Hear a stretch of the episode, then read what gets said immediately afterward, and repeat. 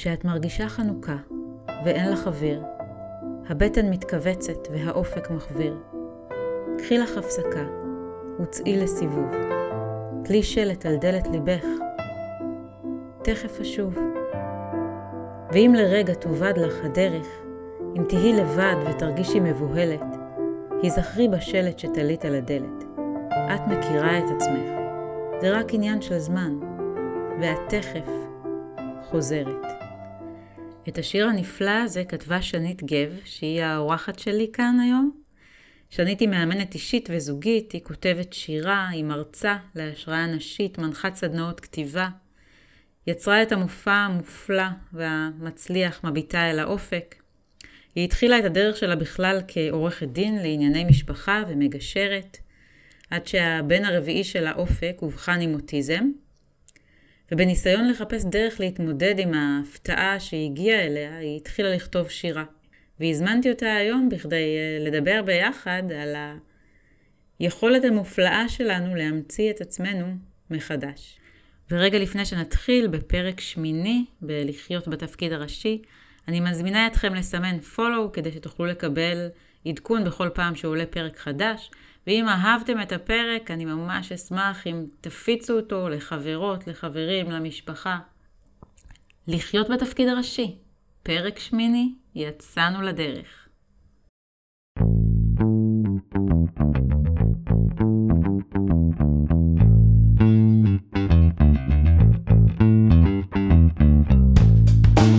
לחיות בתפקיד הראשי, הפודקאסט של יעלי קוגן. וכשחשבתי ככה שנית אה, לעשות פרק על להמציא את עצמך מחדש, את הראשונה שעלית לי בראש.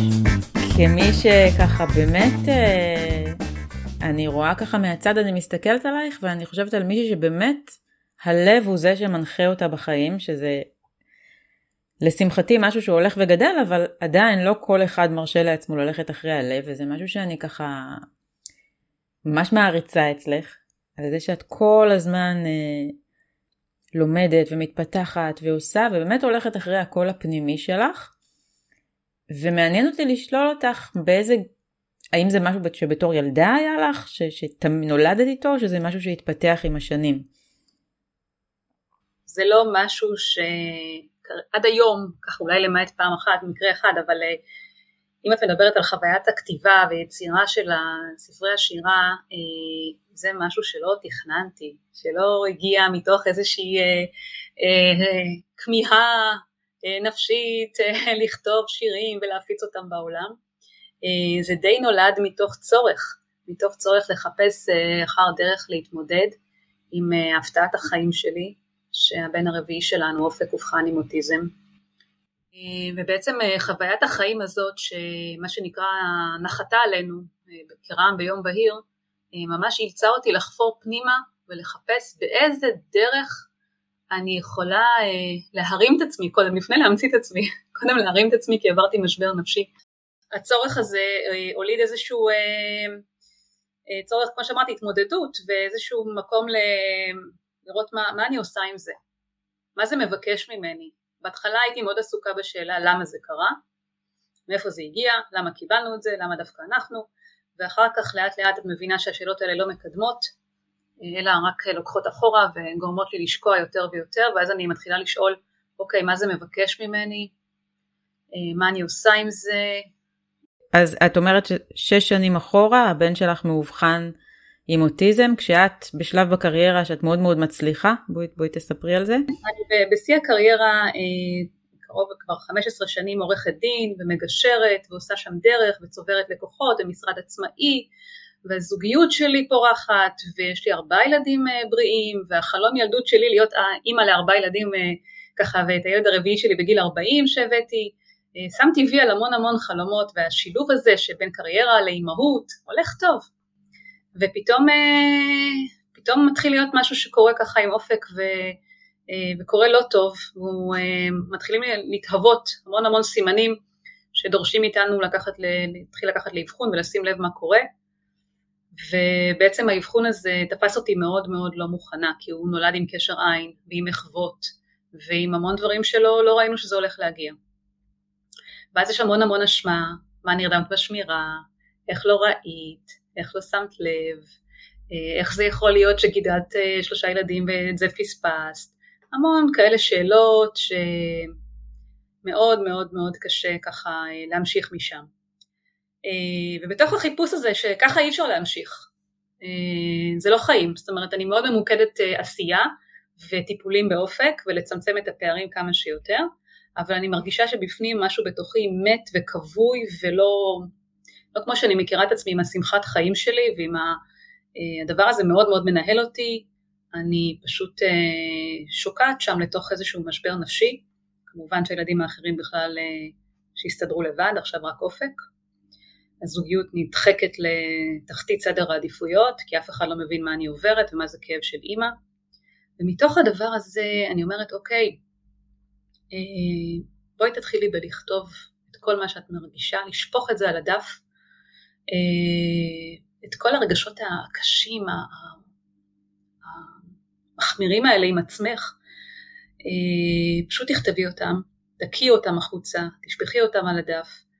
אה, וכך היה, בלי מבנה של שיר בכלל, יעלי, בלי שום כוונה שיצא מזה משהו, איזושהי דרך רגע לבטא החוצה את מה שיושב ורובץ בפנים כל כך, ואין כל כך את מי לשתף בחוויה שלי. בדיעבד אני יודעת שאת יודעת, החברות והילדים הגדולים והבן זוג שלי, כולם ניסו נורא לעזור ולהכיל ולהושיט יד, אבל זו חוויה סובייקטיבית. זה מעניין מה שאת אומרת, כי את אומרת בלי לחשוב על שיר, רק כתבתי ואני כזה עולה לי ההופעה שלך וכמה המילים שלך חודרות וכמה לא נשארה עין אחת יבשה בכל ה-300 איש שהיו שם בקהל בהיכל התרבות בקריית השרון. ואני אומרת, כמה אומנות היא, היא קודם כל המקום של להתחבר למקום הכואב בתוכי ואז לצאת עם זה החוצה. וכמה כוח יש לזה קודם כל כדי, של ריפוי בכלל, לטעמי גם שלך, אבל אני חושבת שגם של הקהל, זאת אומרת אחר כך שכבר הופעתי עם השירים האלה וזה הפך לאיזשהו ספר ואחר כך עוד ספר ומופע ופתאום נולדה שנית אחרת לגמרי מתוך המשבר הזה, אני ממש רואה את זה כמו, את יודעת, אומרים שהנחש יש לו אה, יכולת אה, להשיל את האור שלו ולהיוולד מחדש מתוך משבר. ואני ממש רואה אותך כמו מין נחש במובן הטוב, כמו מין אישה כזאת עם כוח יצירתי עצום, שמתוך המשבר הזה הבאמת עמוק ותחושת בדידות מאוד מאוד גדולה, את, את הפכת את זה למשהו שקודם כל בעיניי ריפא, יצר איזשהו ריפוי בתוכך, אבל את גם העברת את זה הלאה, כי אנשים שמגיעים למופע שלך לא יוצאים אותו דבר. יש לי משפט שאומר כשהכאב פוגש יצירתיות אה, מתחיל הריפוי. ויצירתיות לא ברמה של אה, כתיבה, אומנות, יצירתיות זה כל דרך שאתה יוצר פתרון, יוצר אה, חוויה אחרת, יוצר דרך אחרת להתמודד, וכל אחד עם מה שמתאים לו. אם אני בתור עורכת דין כתבתי המון המון כמובן כתבי הגנה, כתבי תביעה, הסכמים, בסדר? והייתה לי חוויה שבביטוי בביטוי בכתב יש, שם יכול, יש לי יכולות מאוד גבוהות. יש שם משהו שאני יכולה להביא אותו דרך הכתב. ואני זוכרת ממש את אחד ה... סתם איזשהו קוריוז שעולה לי, שאחד השופטים אמר, אה, אה, מה זה, מי כתב את ההסכם הזה? ואני ככה אומרת בשקט, אה, אני כבודו. ואז הוא אומר, וואו, מה זה, מי כותב ככה היום? ואז מקבלת מין פידבק כזה של, יש פה משהו. וידעתי שלמילים יש כוח, וקודם כל בשבילי, וקודם כל רגע לתת לזה מקום של ביטוי החוצה. אחר כך מגיעה המוטיבציה, יעלי, של אה, למי זה עוד יעשה טוב. לא רק לי. קודם כל לבן זוג שלי, כי הייתי שמה לו, הייתי שמה לו את, ה, את הדפים שהייתי ממלאה וכותבת על הכרית. שככה, שיקום בבוקר ויראה מה כתבתי, ואז הוא אומר, מה זה, מי כתב את זה? אני. ופתאום הוא מגלה עולם פנימי והוא מגלה רגשות ויש משהו בכתוב הזה שזה לא כמו בדיאלוג שיש אה, אמירה תגובה את יודעת אה, פינג פונג כזה של אה, דברים אלא אני שופך את הכל הוא קורא פעם אחת ויש לו שהות להגיב לזה ולהתרגש מזה ולפגוש אותי דרך עיניים אחרות. ופתאום משהו שם נרגע. ואז אני מעבירה את זה לבת הגדולה שלי ואני מעבירה את זה לאחותי ואני מעבירה לחברה טובה ולאט לאט מהפידבקים ומהתגובות אני מבינה שיש כאן משהו שיכול גם לתת כוח להורים אחרים שמתמודדים עם בדיוק אותן תחושות ורגשות של אבל, אין מילה אחרת. אובדן, אובדן של החוויה של הילד המושלם והפחד מהעתיד ומה יהיה ואיך יהיה וההשלכות ומה מחכה לנו ומה זה אומר עלינו. אה, ופתאום מתחיל איזשהו פרץ של אה, כתיבה כזה בתוכי, אה, של לכתוב לא רק על האוטיזם של אופק, לכתוב על הזוגיות ולכתוב על החברות ולכתוב על, על פצעי ילדות ולכתוב על החוויות שלי, על האובדן, האובדנים האישיים שאני חוויתי בתור ילדה ועל הגירושים של ההורים שלי ובכלל מערכות יחסים של אדם עם עצמו ומה זה להתמודד עם פחד או להתמודד עם משהו שלא הולך לך, לא מצליח לך אה, בעניין הזה דווקא לימודי בודהיזם מאוד מאוד ככה עזרו לי ונתנו לי המון חומרים כי כשהתחלתי להביא חמלה ובצורה מאוד נדיבה לתוך הכתוב, לתוך המילים, אה, פתאום משהו גם קיבל, קיבל את זה שאנחנו לא צריכים להיות מושלמות, שזה בסדר לכאוב את זה וזה בסדר להתאבל על זה, ושמותר לך להרגיש לא מספיק, והשאלה אחר כך מה את עושה עם זה, ולאן את לוקחת את זה, זה, זה מוטיבציה לשינוי. את יודעת, זה נורא מעניין מה שאת אומרת, כי אני, לא מכירה חלום שנולד תוך כדי אה, אה, החיים. זאת אומרת, אצלי החלומות הם, הם היו מילדות. ואצלך, אה, שוב, אני כל הזמן זוכרת את ההופעה הזאת, אני זוכרת את עצמי יושבת בקהל, ממררת בבכי, ורואה אותך ככה על הבמה, ו, ומבחינתי היית שם יוצרת מופלאה, מקריאה את השירים, וזה לא רק להקריא את השירים, היה בך משהו של אומנית, אומנית שיושבת על הבמה ומחוללת ריפוי. אני מאמינה שהתפקיד האמיתי של האומנות הוא באמת לחולל ריפוי. ואני אומרת, איזה מוזר זה שזה משהו שנולד תוך כדי, וזה לא משהו שאת בעצם חלמת אותו, בואי נגיד עשר שנים אחורה כשהיית אה, עורכת דין. נכון, גם לא, גם לא בתור אה, נערה שלמדה ספרות. זאת אומרת, אני את הבגרות שלי לא עשיתי בכלל בספרות, או לא היה לי, לא היה לי זיקה. קראתי ספרים, קראתי המון המון ספרים, מצאתי תמיד אה, המון המון עושר ודמיון ופתרונות ודרכים יצירתיות בתוך ספרים, וברחתי לספרים בתור ילדה, אבל לא שירה, ממש אה, ספרי פרוזה. אה, ודווקא הרגשתי שתמיד הספר הוא מקום, גם מקום מפלט, אבל גם קצת, כשהייתי שואלת את אמא שלי שאלה, הייתה אומרת, והיא לא הייתה יודעת, אז הייתי אומרת, טוב, אני אמצא את זה בספר, התשובה בספר. והייתה אומרת אוף את והספרים שלך וזה לימים כזה נהיה מין משהו כזה של בשבילי הספרים הם היו חברים ממש. ו... אבל כשהתחלתי את הכתיבה לא, לא הלכתי לחפש את ההשראה. היה איזשהו מעיין פנימי נובע ש, שככה הכתיבה יצאה ממנו כמו משהו שחיכה כל כך הרבה שנים היה עמוק בפנים והשתיקו אותו או דיכאו אותו או לא, לא ידעו על קיומו בכלל. ופתאום הוא נובע והוא צריך את המקום שלו והוא צריך את המקום שלו בעולם והוא עושה את דרכו. ולא רק זה, גם נותן לי אומץ לשבת על במות.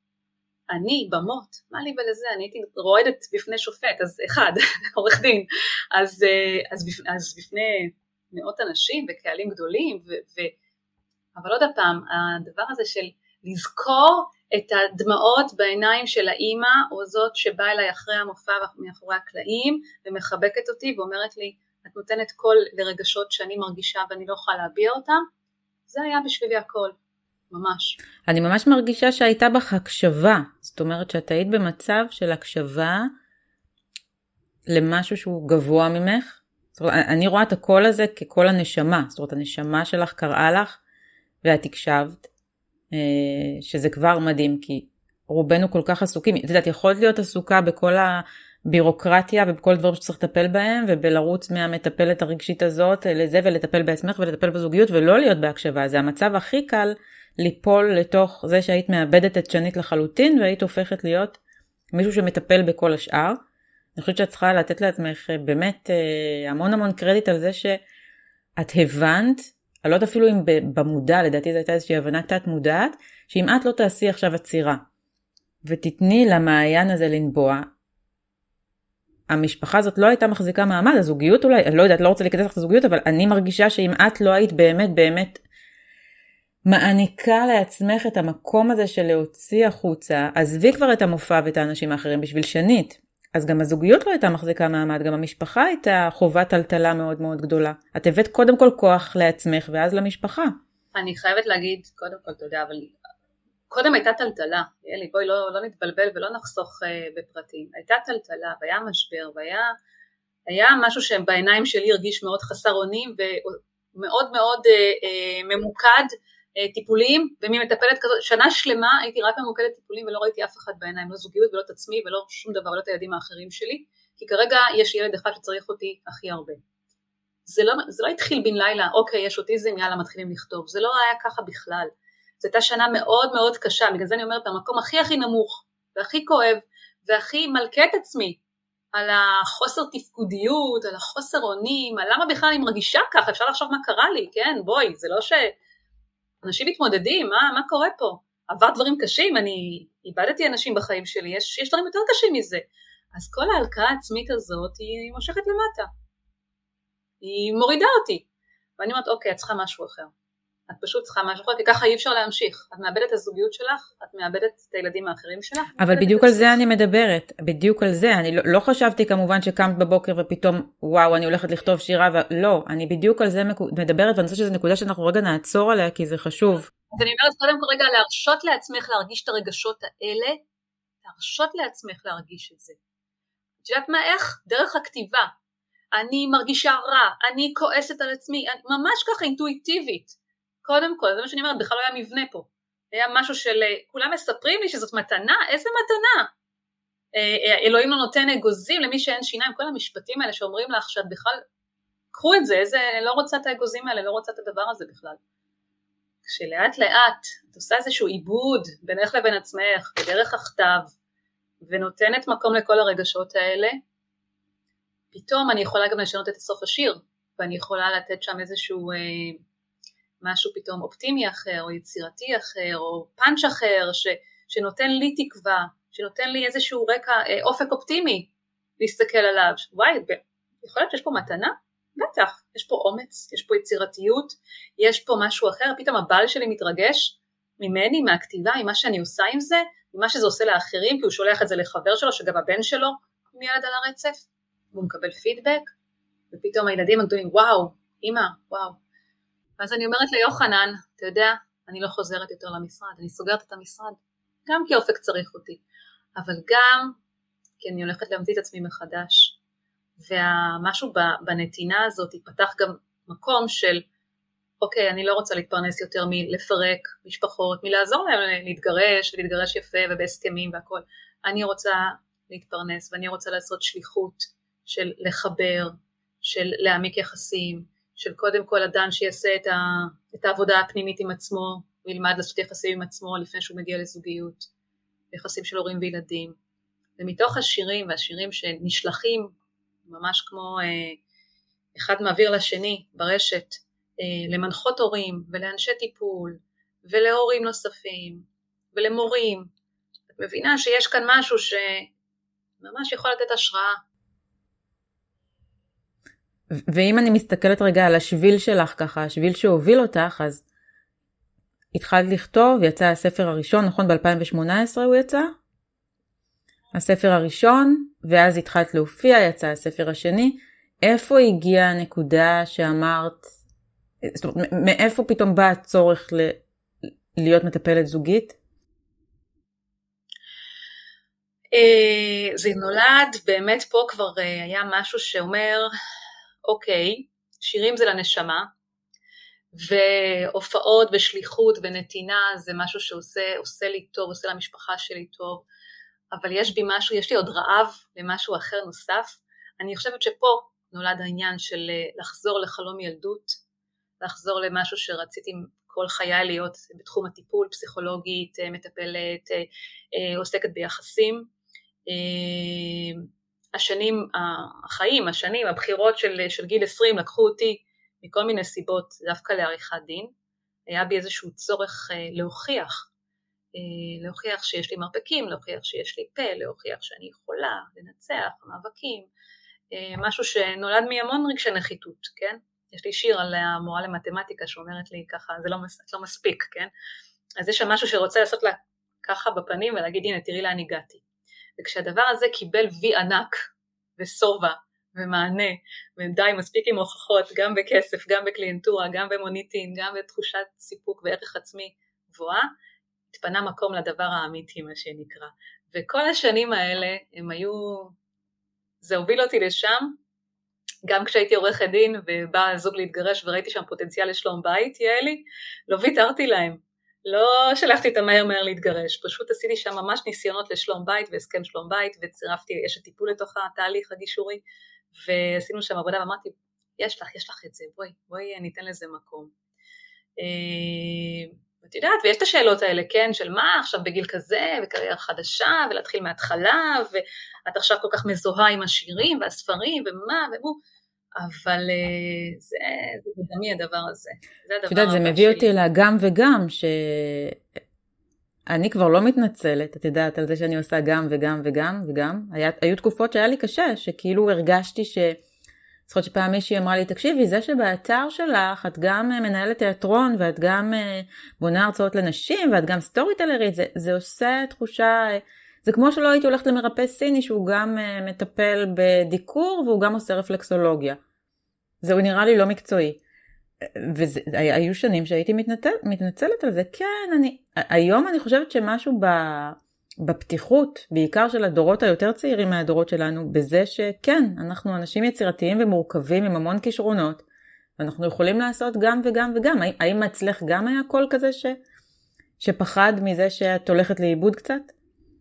בטח, בטח שכן, אני, אני מהדור שלך, אנחנו מהדור של פעם, שצריך להתמקד, ש, שמזה לא עושים כסף, כל השאלות האלה שגדלנו עליהן, כן, שאת תתפזרי ו- ואף אחד לא, אגם וגם תפסת מרובה לא תפסת, כל המיתוסים האלה שגדלנו עליהם, אבל כשיודעים, אני חושבת שאני למדתי לאזן וככה לקחת את היכולת מה, מהאזור הזה והיכולת מהתחום הזה ולשלב ביניהם, והיום כשאני שולחת לזוג אה, אחר כך איזשהו שיר שכתבתי בהשראת הזוג הזה בעצמו, שולחת להם איזשהו טקסט שכתבתי כי הם נתנו לי את ההשראה לכתוב, זה פתאום הנה כל העולמות באים לידי ביטוי, איזה יופי. נכון, וזה גם תמיד מתחבר בסוף. בטוח, ממש ככה.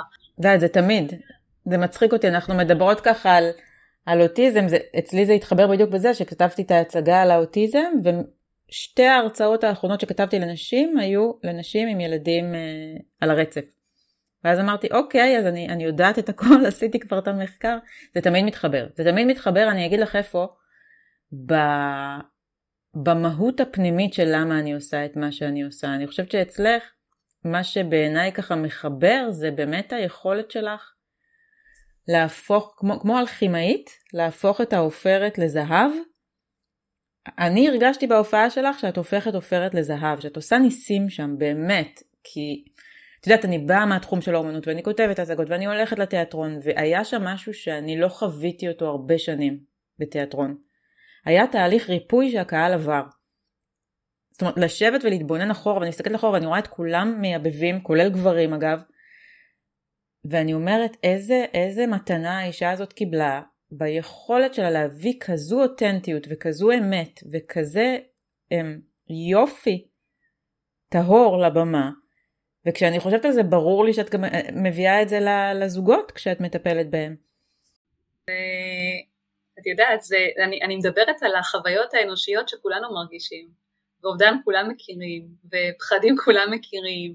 אני חושבת שמה שאני מביאה באותנטיות ובלשבת שם ובשירים, שזה מתחיל מאוד כואב וקשה, ו- ו- ואנשים ככה מתחברים לעצמם ופוגשים את עצמם דרך המילים. אה, אני אומרת בקול רם את מה שמישהו חושב, או הרגיש, או חווה את זה ולא ידע איך להוציא את זה, אבל בסוף אני מביאה גם את החלק האופטימי עם התקווה, עם ה... נסתכל על זה טיפה אחרת, עם החיבור האנושי הזה, עם זה שכולנו באותה חוויה אנושית, אמ, ואפשר לצלוח את זה, ואפשר להתגבר על זה, וזה בסדר להרגיש ככה. אני חושבת שזה מה שעושה את הקסם של הערב הזה, לככה משהו מאוד מאוד אנושי. זו המילה שהכי ככה מתחברת. אני מביאה המון חמלה, ואני מביאה את זה בנדיבות, ואני מביאה את זה באושר של סגנונות של נושאים ושירים ו- ו- אה, כל מיני תחנות בדרך במסע חיים שלנו, כן? יש לי שירים על מוות, יש לי שירים על, על אה, אובדנים, על גירושים, על, על, על בכלל מה זה כוח של אישה, מה זה כוח של חברות נשית, כמה אנחנו לא יכולות בלי זה. אני חושבת שאת גם מביאה משהו שבעיניי הוא, הוא, הוא קריטי והוא קצת הלך לאיבוד אה, וזה אותנטיות מאוד מאוד גדולה. זאת אומרת, אין לך בעיה לבוא ולהגיד, לא, לא הרגשתי שזה מתנה, הרגשתי שהעולם שלי נחרב ושאני באבל. מאוד מאוד קשה לאנשים לבוא ולהגיד משהו כזה, כי מה זה אומר עלייך בתור אימא, שאת באה ומתאבלת על הבן שלך החי. והאותנטיות הזו היא, היא בעיניי, היא נדירה, והיא כל כך, כל כך,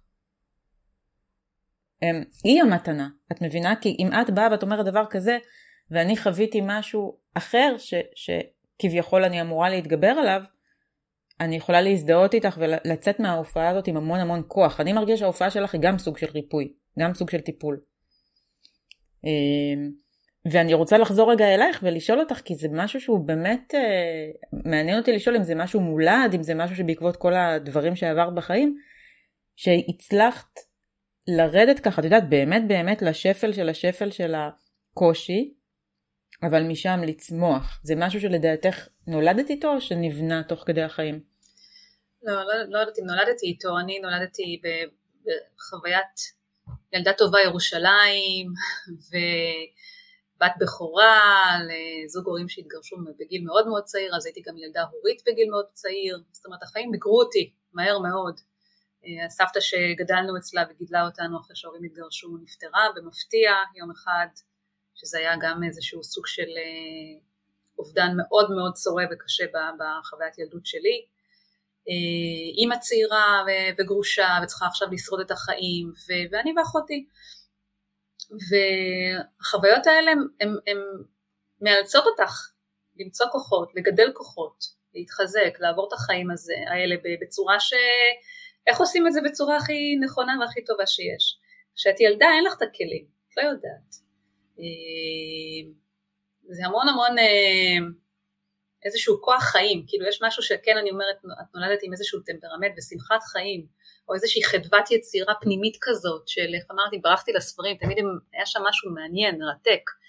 אה, זאת אומרת, יש, יש עוד דרך לחיות את החיים האלה, חוץ מתסכול ומרמור, ו... ולמה זה קרה לי, ושזה בסדר להרגיש את זה, אבל בואי נשים שם איזשהו פג תוקף, בואי, בואי נגיד אוקיי, חוויתי את התקופת אבל הזאת, והרשיתי לעצמי להגיע לתחתית של התחתית, ועכשיו מה את עושה? יש לך שתי אופציות, את יכולה להמשיך ככה? יכולה. או שאת יכולה להרים את עצמך, למצוא דרכים להרים את עצמך.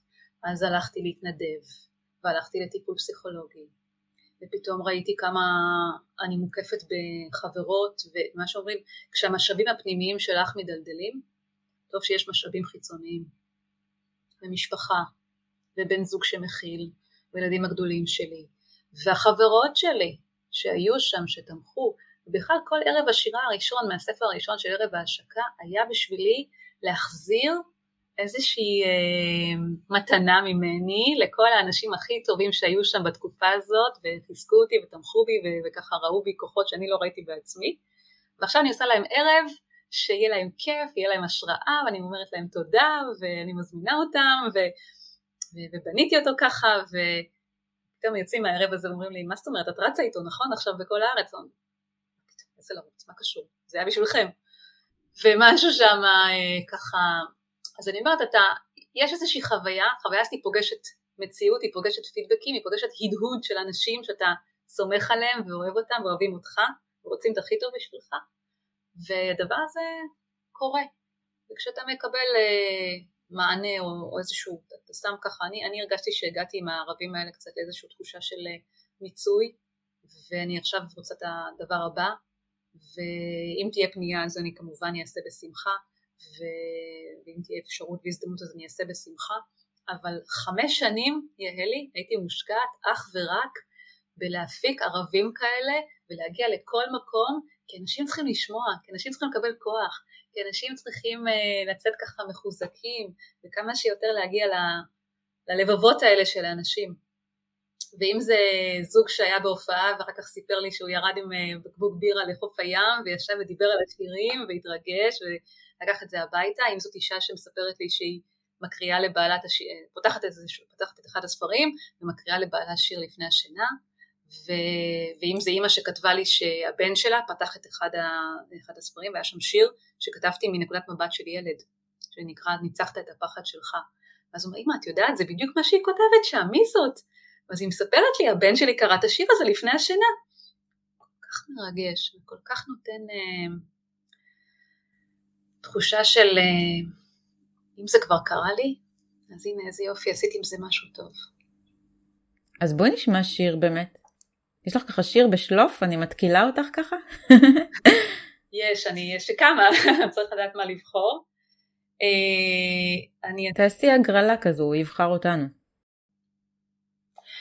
אני אבחר את, אה, את תכף אשוב, שזה שיר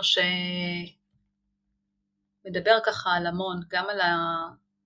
אני אקריא אותו ואז אם, אם תרצי נדבר עליו. כשאת מרגישה חנוכה ואין לך אוויר, הבטן מתכווצת והאופק מחוויר, קחי לך הפסקה וצאי לסיבוב. תלי שלט על דלת ליבך, תכף אשוב. ואם לרגע תאבד לך הדרך, אם תהיי לבד ותרגישי מבוהלת, היזכרי בשלט שתלית על הדלת. את מכירה את עצמך. זה רק עניין של זמן, ואת תכף חוזרת. אז כל הדבר הזה שבאמת, אה, קודם שנרשה לעצמנו, נרשה לעצמנו ללכת לאיבוד, נרשה לעצמנו לא להיבהל מזה, הדברים, החיים הם דינמיים, הדברים ככה רק אם אני, אם אני אסכים להיות חשופה ואני אסכים להרגיש את הכאב ואני אסכים ללכת לאיבוד, אני כנראה גם אמצא את הדרך חזרה, גם אם זה ייקח זמן. נסמוך על עצמנו. את יודעת, את מדברת ואני ממש ממש רואה בך את הגיבורה של התפקיד הראשי. זאת אומרת, את לגמרי בתפקיד הראשי של החיים שלך, לגמרי. גם היכולת לעצור ולהגיד, אה, אני שמה את השלט ואני הולכת ואני אחזור, זה יכולת שאין להרבה נשים. זה, זה נראה לך מאוד טריוויאלי, את יודעת, לעשות את זה, אבל אני מכירה כל כך הרבה מי שלא מרשה לעצמה לעשות את זה. אני יודעת, אני הייתי הרבה שנים במקום הזה של זה לא נקרא התמודדות. מה זה להניח וללכת? מה זה להרשות לעצמי עכשיו? זה לא נקרא להתמודד, זה נקרא אה, להיות בחוסר אונים, להיות, מה זה לא לדעת מה לעשות? את חייבת לדעת. כל ההלקאה העצמית וה, והשיפוטיות והביקורת על מה זה אימא טובה ומה זה אשת קריירה ומה זה, אה, זה ניהל אותי המון המון שנים הדבר הזה. אה, את יודעת, אנחנו מקליטות את הפודקאסט הזה, אני אגלה לך, אה, שבועיים לפני יום הולדת 50 שלי. ובשבילי זה כמו המתנה שאת נותנת לי עכשיו, ההזדמנות הזאת היא אה, ככה להסתכל מהצד ולדבר על הדברים האלה. וזה מסע של חיים שלמים, יעלי. כל התובנות וכל הדבר הזה שאת מקבלת פרופורציות. ואני כל הזמן אומרת, די, שלא יעמידו אותי במבחנים, כי למדתי מספיק, מספיק, קיבלתי את המנות שלי לחיים האלה. וזה מתחיל מעמדה מחשבתית, כן? זה מתחיל מאיזשהו הרהור של חייב להיות משהו אחר. לא יכול להיות שנסכים להיות בבינוניות, בתסכול, במרמור, באכלו לי, שתו לי, הילדות, ההורים, החיים, בסדר? הבן זוג, אצל, אצל אחרים הם מצליחים יותר. אחר כך לאט לאט השינוי מגיע דווקא מעשייה של צעדים מאוד מאוד קטנים, מדודים, כל פעם משהו קטן, כמו שאמרתי עם, ה, עם הכתיבה, את כותבת משהו, את רואה שזה בטוח, את רואה שזה טוב, את רואה שזה נכון, את עושה עוד צעד קדימה, את כבר מארגנת את זה במבנה של שיר, ועוד לוקחת את זה לעריכה, ולוקחת את זה להוצאה לאור, ועוד משהו, ולאט לאט המון המון המון צעדים קטנים, מצטרפים לכדי דרך. אני רוצה רגע לקחת אותך לשנית הילדה. ולשאול אותך, את מדברת ככה שעוד שבועיים תהיי בת 50, ואני רוצה לשאול, אם היית ככה פוגשת את שנית בגיל 16, 17, היית מאמינה ששנית תהיה עורכת דין ואחר כך משוררת אה, שיוצאת בהופעות ומטפלת זוגית, מישהי ככה, את יודעת, תצאי רגע מעצמך ותסתכלי מהצד, זה מישהי מאוד מאוד מצליחה. ומאוד אה, יצירתית ומגשימה ומעוררת השראה. מה שנית בת ה-16 הייתה חושבת על זה? אה, אז בדיוק על מה ששאלת עכשיו יש לי שיר להקריא לך. בכל שיעור מתמטיקה הייתה אווה המורה פותחת בצעקה, עת אדום בבקשה. לובשת הרשת פנים חמורה וקוראת למישהו מאיתנו להגיע אליה עם המחברת לבדיקה. מסמנת איקסים אדומים וסימני שאלה ליד התרגילים שלא הצלחתי לפתור. סוגרת את המחברת בזלזול ובחימה ומביעה את מורת רוחה קבל עם וכיתה. השנים עברו. הפכתי עורכת דין עם קריירה מצליחה. התאהב בי רואה חשבון מהשורה הראשונה, ומצא בי נעלמים אחרים שאווה מעולם לא הצליחה לפתור בעצמה. אך לא עזבה אותי התחושה שמשהו בי מקולקל ואין לו מחילה, ותכף מישהו יראה לי בתוך המחברת, יסמן איקס אדום ויגיד לא מספיק טובה. אז זאת הייתה חוויית הילדות של גיל 16, שלאו, מתמטיקה זה אישיו אחד, אבל שככה, תודה לאל, יוחנן מכסה את החלק הזה אצלי וכבר אין לי אישיו איתו, אבל uh, החוויה של אם משהו לא טוב, אז את לא מספיק טובה, את לא תצליחי, זה לא ילך. אם יש לי, הייתה לי בגיל 16 הפרעת אכילה של בולמיה, וככה התגייסתי גם, והתחושה הזאת של, ואני מסתירה את זה, ואף אחד לא יודע מזה, כן? אני רק עולה ועולה במשקל כל הזמן, כי זה מעגל, מעגל שדים שלא נגמר, עם אכילה בלילות ואכילה בסתר והקאות. ואת הולכת בתחושה של משהו פגום בך, ומשהו לא טוב אצלך קורה, ומשהו מופרע, ומשהו לא בסדר, ומשהו חולני, ואין לך שליטה עצמית, ואת לא מצליחה להתאפק, ואת נופלת אותו דבר. וכל הדבר הזה כל כך מנהל ומקשב, וכן. אז אם אני יכולה להסתכל עליה, על הילדה הזאת, ולחבק אותה, ולהגיד לה, ש... זה מרגש, אה? שהיא תהיה בסדר, ושהיא תסמוך על עצמה, בבחירה של בן הזוג שלה, במשפחה שהיא הקימה, בחברות שהיא בוחרת לעצמה, בחיים חיים של יצירתיות, של שמחה, של אה, להפוך את, ה...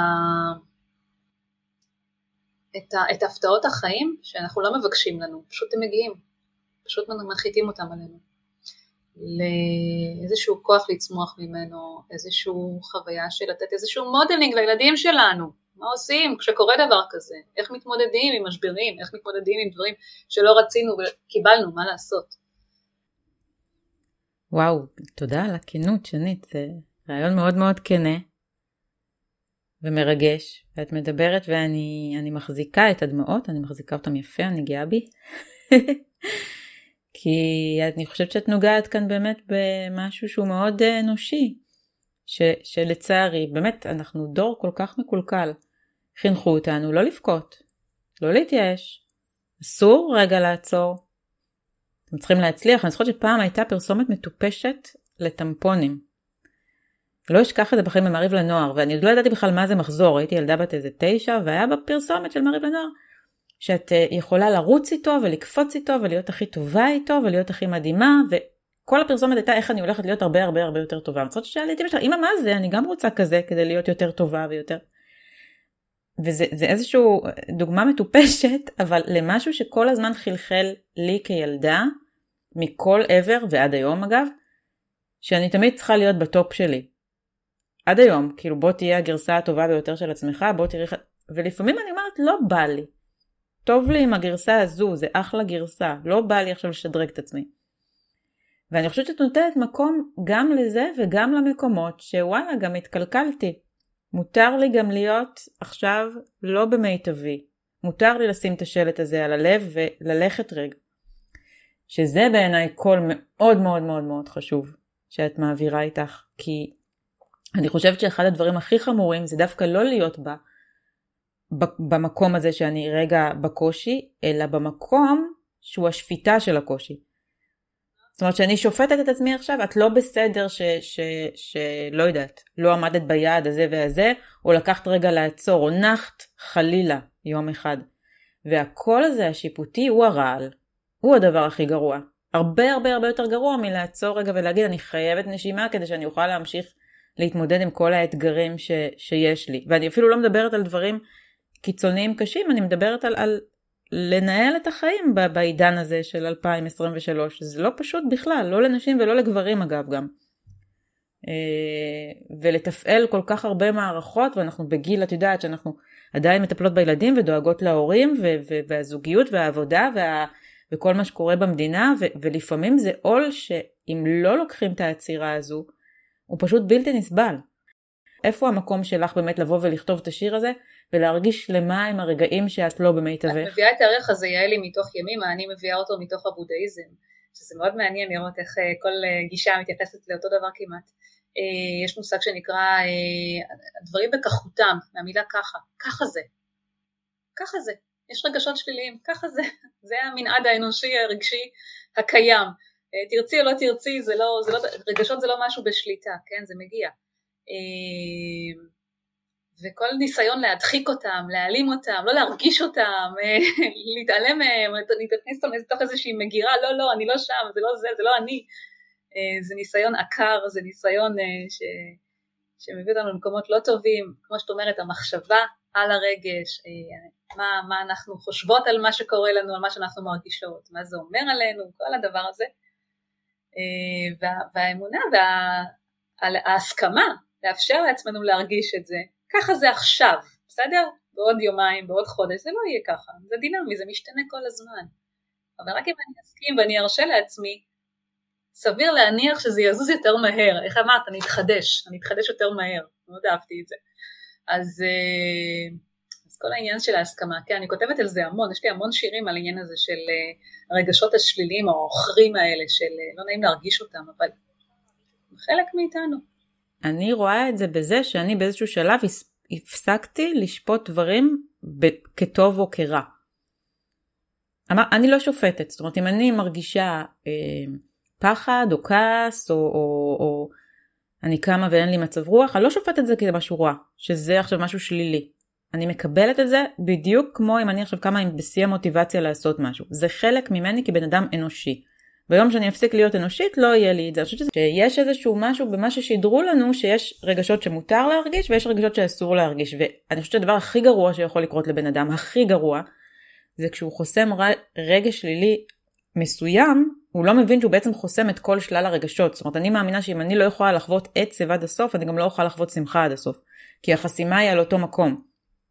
וברגע שמפסיקים לשפוט משהו כשלילי או חיובי ומבינים שבסדר, אני מרגישה עכשיו לא טוב, נפשית, אבל uh, אני אנוח קצת, אני, את, את כותבת שירה, אני גם כותבת, אני קוראת, אני שמה לי מוזיקה והולכת לצעידה בים, ואחרי שעה, שעתיים אני, אני מתחדשת. אז הנקודה שככה חשוב לי ככה להעביר הלאה למי שמקשיב, מקשיבה לנו, זה באמת המקום שהבעיה היא לא הרגש השלילי, אלא המחשבה על הרגש השלילי. זה, זו הבעיה ואת זה צריך לנקות. רגש שלילי יש לו מקום בדיוק כמו לרגש חיובי, הוא חלק מאיתנו, הוא לא ייעלם לעולם. זה משהו שילך איתנו עד יום מותנו וגם אחרי.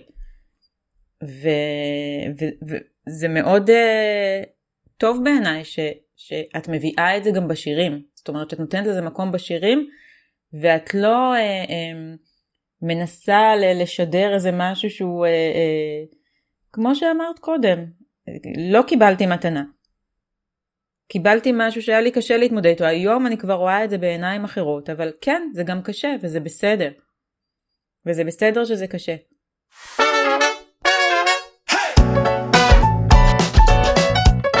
עוברת איתך לשלב שאני הכי אוהבת, וזה שלב החמש בעשר. אני למדתי אחרי ארבעה רעיונות שאני לא מכינה את זה מראש, זה לגמרי באינטואיציה יוצא לי. אז אל תיבהלי אם פתאום תהיה שאלה מוזרה. אז אני עוצמת רגע עיניים, מתחברת לעצמי ויורה חמש שאלות, אני גם סופרת אותן כי אחרת אני לא זוכרת כמה שאלתי. אז הנה, מוכנה? שאלה ראשונה, מה זו חברה טובה בשבילך? גם על זה יש לי שיר. יש לך שיר? אז יאללה, אני אחכה, תביא אותו. מה זו חברה טובה? כל אישה צריכה אישה שתניח עליה עיניים טובות, לב נדיב ומלא באהבה, פה מפיק מרגליות וידיים מחבקות את כל מה שבא. כל אישה צריכה אישה, להחזיק את הידיים במסע, להקשיב להגיגי ליבה, להזין אותה בחמלה לעצמה. לאחוז אישה ברעותה, לרדת איתה למרתפי הנשמה, לדבר עם השדים שבקרבה, ולטפס יחד חזרה לרקיעי הצחוק והשמחה.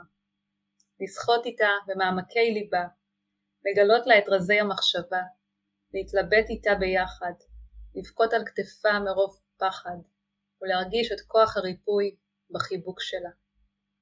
כל אישה צריכה אישה, שאיתה היא יכולה ללבלב ולנבול, לכבוש או לחדול, שתדע לאפשר לה ליפול ולגדול, לשמור עליה מרחוק ולהתקרב אליה בזמן הנכון. אהובת נפשי, השמיים והארץ עדים לי ולך. כל אישה צריכה אישה. וואו. ואשראי שיש לי אותך. נפלא. זה שיר חברה. זה משהו שמטפחים אותו, כן? לגמרי. שאלה שנייה, הטיפ הכי טוב שאת יכולה לתת לזוגיות ארוכת שנים? יש אותי ויש אותך, ויש את המרחב שבינינו, שהוא לא, לא, לא תופסים אותו, כמו אוויר ולא רואים אותו, הוא באווירה שבינינו, הוא המרחב הזוגי בינינו, ואותו אנחנו מטפחים ואותו אנחנו מחזקים ושם אנחנו שמים את הביטחון, המרחב הזה, שלהכניס לשם חום וחיבה ואמון ותחושה שהמרחב הזה הוא, אנחנו יצרנו אותו, הוא גם מתגבן אותנו. אנחנו בשאלה שלישית.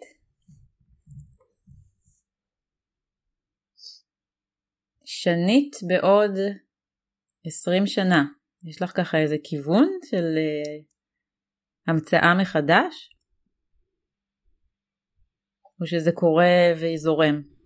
אה, וואו, 20 שנה זה אני, אני סבתא ל, אבל אה, אני סבתא לפעילה, אני אהיה בת 70, אני אה, יש לי תוכניות ארוכות להמשיך ולעבוד ולפתח את הקליניקה ולבנות אה, בית ספר לזוגיות וסדנאות זוגיות וללמד דורות של אנשים על לעשות זוגיות שהיא נכונה ובריאה ובטוחה וקרובה וחמה. אה, ושם זה הולך. עד כמה שאני אוכל לעבוד ואוכל לעשות, זה, יש לי ממש... אה, את, תופסת אותי בעיצומה של, ה, של ההגשמה של החלום הזה שממש יוצא כבר לדרך. שנית, מקום בחו"ל שמה זה בא לך להגיע לשם ועוד לא היית שם? אוסטרליה. זה נראה חלום שהוא בטודו ליסט שלי, נראה מתי, אולי בפנסיה עם יוחנן. ושאלה אחרונה, אמ, עם איזה מסר ככה הפרק שלנו יעסוק בלהמציא את עצמך מחדש, לדעתי הוא, הוא קצת עמוק מזה, אנחנו דיברנו על דברים אה, יותר עמוקים, אבל מה הטיפ שלך ככה לאישה, ניתן לך משהו קשוח, אישה בת 50, אה, עם קריירה ענפה באיזשהו משהו שיש לה חלום לעשות משהו חדש לחלוטין ואין לה מושג מאיפה להתחיל. מה הטיפ שלך אליה? קודם כל לא לוותר על החלום הזה, להקשיב לקולות הפנימיים שאומרים לך אה, יש לך חלום, לכי על זה, אני אומרת אם, אה, אם זה קשה לבד, להיעזר, ללכת לקואוצ'רית, ללכת לטיפול, ללכת לסדנאות, לקבל השראה מאחרים שעשו את זה, אה, להיפתח למקומות שייתנו לי דלק, שייתנו לי אה, כיוון, שייתנו לי את הצעד הראשון מאיפה להתחיל.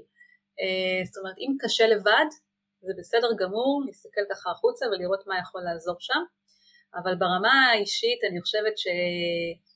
אה, יש ספר מדהים של דוקטור אנבלה שקד שנקרא לקפוץ למים, הייתה המנחה שלי במכון אדלר באימון יחסים, שהיא אומרת אה, כל העניין הזה של אה, אי אפשר לעשות שינוי דרך חשיבה, חייב מעשים, חייב אקטיביות, ואקטיביות היא כמו מצבר, היא נטענת תוך כדי תנועה, תוך כדי נסיעה, והיא מתרוקנת כשלא, לא קורה שום דבר, כשלא עושים שום דבר.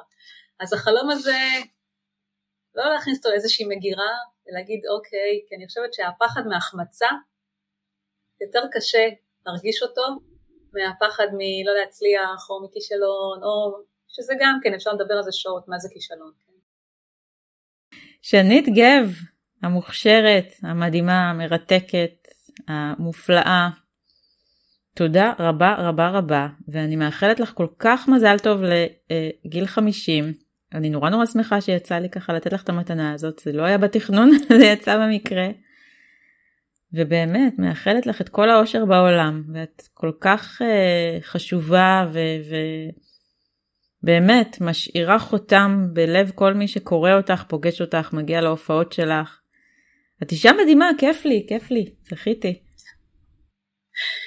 וואו, יעלוש, מה אני אגיד אחרי הנאום הזה ומה כל מה שאת אומרת פה, וכל כך מרגש וכל כך אה, כיף, כיף להתארח וכיף לדבר איתך וכיף אה, הדיאלוג הזה, והעיניים שלך שאף אחד לא רואה אבל הן ככה מאוד מאוד מדברות, והחיוך הזה, ותודה על ההזדמנות ותודה על הפודקאסט ועל המקום שאת נותנת לנשים אה, להביא את, ה, להביא את עצמה למקסימום ביטוי אה, בכל מיני תחומים ובכל מיני דרכים. את גם חלק, אה, עושה דרך משמעותית בעולם הזה, בבמה שאת נותנת, ותודה, ממש ממש תודה על ההזדמנות, על החיבוק שלך.